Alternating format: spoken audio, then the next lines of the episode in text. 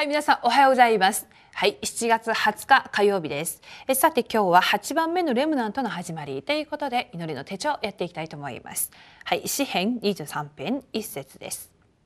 え主は私の羊飼い、私は乏しいことがありません。はい。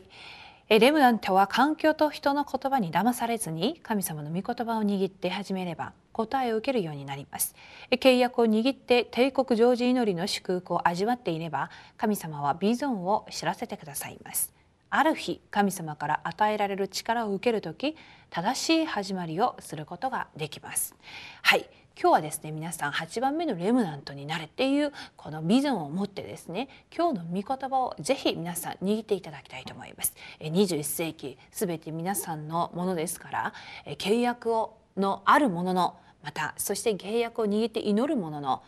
すべ、えー、ての21世紀はその人のものだと思います。8番目のレムナントえー、ぜひ皆さん今日祈りながら答えを受けていきたいと思います。はい。で大きな1番です。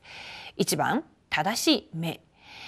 目が正しく開かれると家計に迫っている問題が人生の答えになります。また苦難は成功の土台になります。過去の苦しみは感謝なことになり挑戦できる理由になります。環境に揺れずに実力を備えて待つならば必ず神様の働きを体験するようになるでしょう。はい。私たちが置かれている、えー、今日の皆さんの現場の中で例えば不信仰になりそうだったりまた弱くなりそうだったりちょっとミスをしますとまた昔の姿に戻ってですねいろんな良くないことを考えてしまったりっていうのがしょっちゅうありますけれども今日は、えー、一つ目標を立ててですねどんなことがあっても私は神の子供であるそしてレムナントであるっていうことを逃さずにですね暗闇の勢力と戦っていくこの正しい目を失わないように、えー、皆さん一回チャレンジしていただきたいと思います。はい、では大きな2番です。誠の祝福神様の時刻表を知れば重要なことが見えるようになります。問題にあった時には問題の後に答えがあるということを見るようになります。答えの後には隠れた答えがあり葛藤の後には誠の祝福があるということを悟るようになります。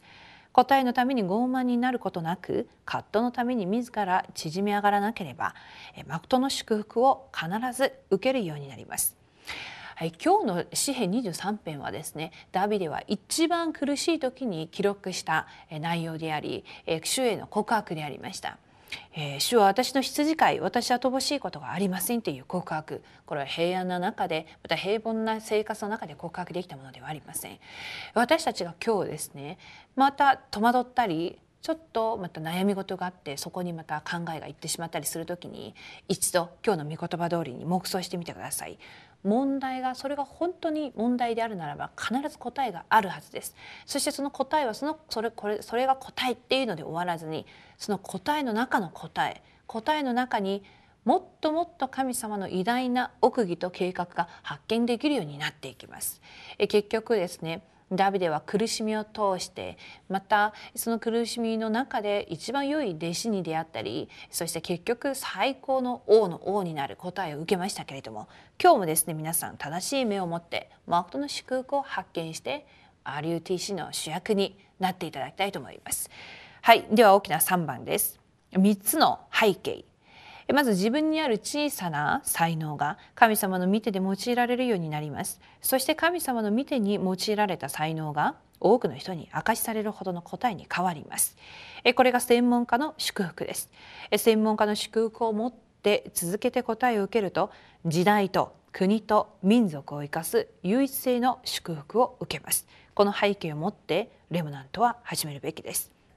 はい、少年ダビデは羊飼いをしながらその一匹の羊も逃さないっていうことで獅子やまたいろんな狼や動物から羊を守っていきました守る方法として彼が考えたのが石を投げてあの獣をまた獣から羊を守ってやるっていうそのような日頃のそういう計画を立てて毎日毎日忠実に羊飼いをその番をしていました。その中からしかしそれだけをやったわけではなくいつも神様に対する契約を握って祈り自分の生活の自分がやる役割に対するスケジュールや祈りのスケジュールや彼が将来絶対に王になるっていう契約を握った上でですねその未来のためのビジョンを握ってのスケジュールがはっきりとあったわけなんですね。しかし目の前の生活は羊の番をしていていつどうなるかわからない。上には兄弟もいっぱいいるし自分の祝福が回ってくるまではその時刻表がわからなかったかもしれません。けれどもずっと契約にあって羊飼いをしながら待つ祝福を味わっていました。結局ゴリアテとの戦いを通してペリシテ人に対してイスラエルの神また本当に生きておられる神を伝えるそのような、えー、大きなチャンスを迎えて彼はそこの危機の中で信仰を持って勝利しました。え今日ですね皆さんがまさにそのような背景を持っています。レムナントの皆さんが今目先のことでですねいろいろくよくよせずに悩まずにまたちょっとしたことでですねそこの中にはまらずに皆さん自身の身分を考え未来のことを見ながらその未来を決定づけるのが今日という一日ですから今日皆さんの中で小さなこともそして皆さんができる、えそれを例えば些細なものもですね主にあって用いられれば大きな救いを成し遂げていくことになります。今日皆さんがまたこの御言葉を握って一日勝利していただきたいと思います。はいでは今日のフォーラムです。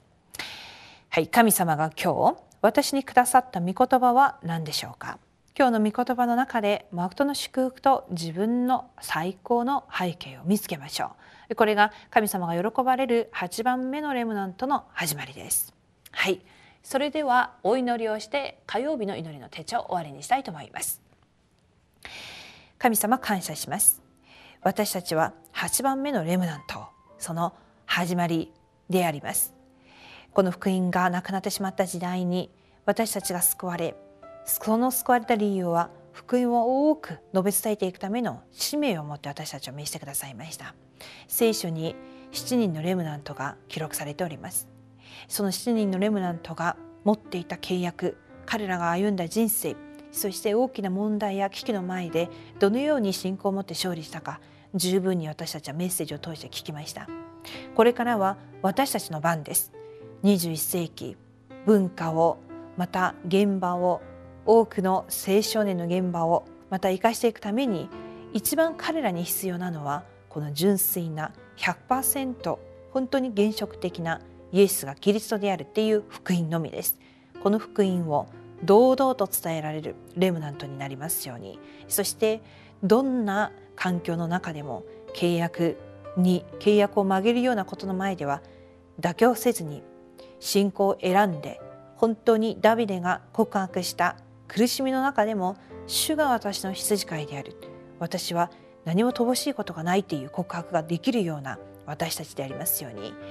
今日も今日の祈りと今日の伝道今日の御言葉この3つの中で私たちの人生や自分の才能やタラントや全ての仕事の現場が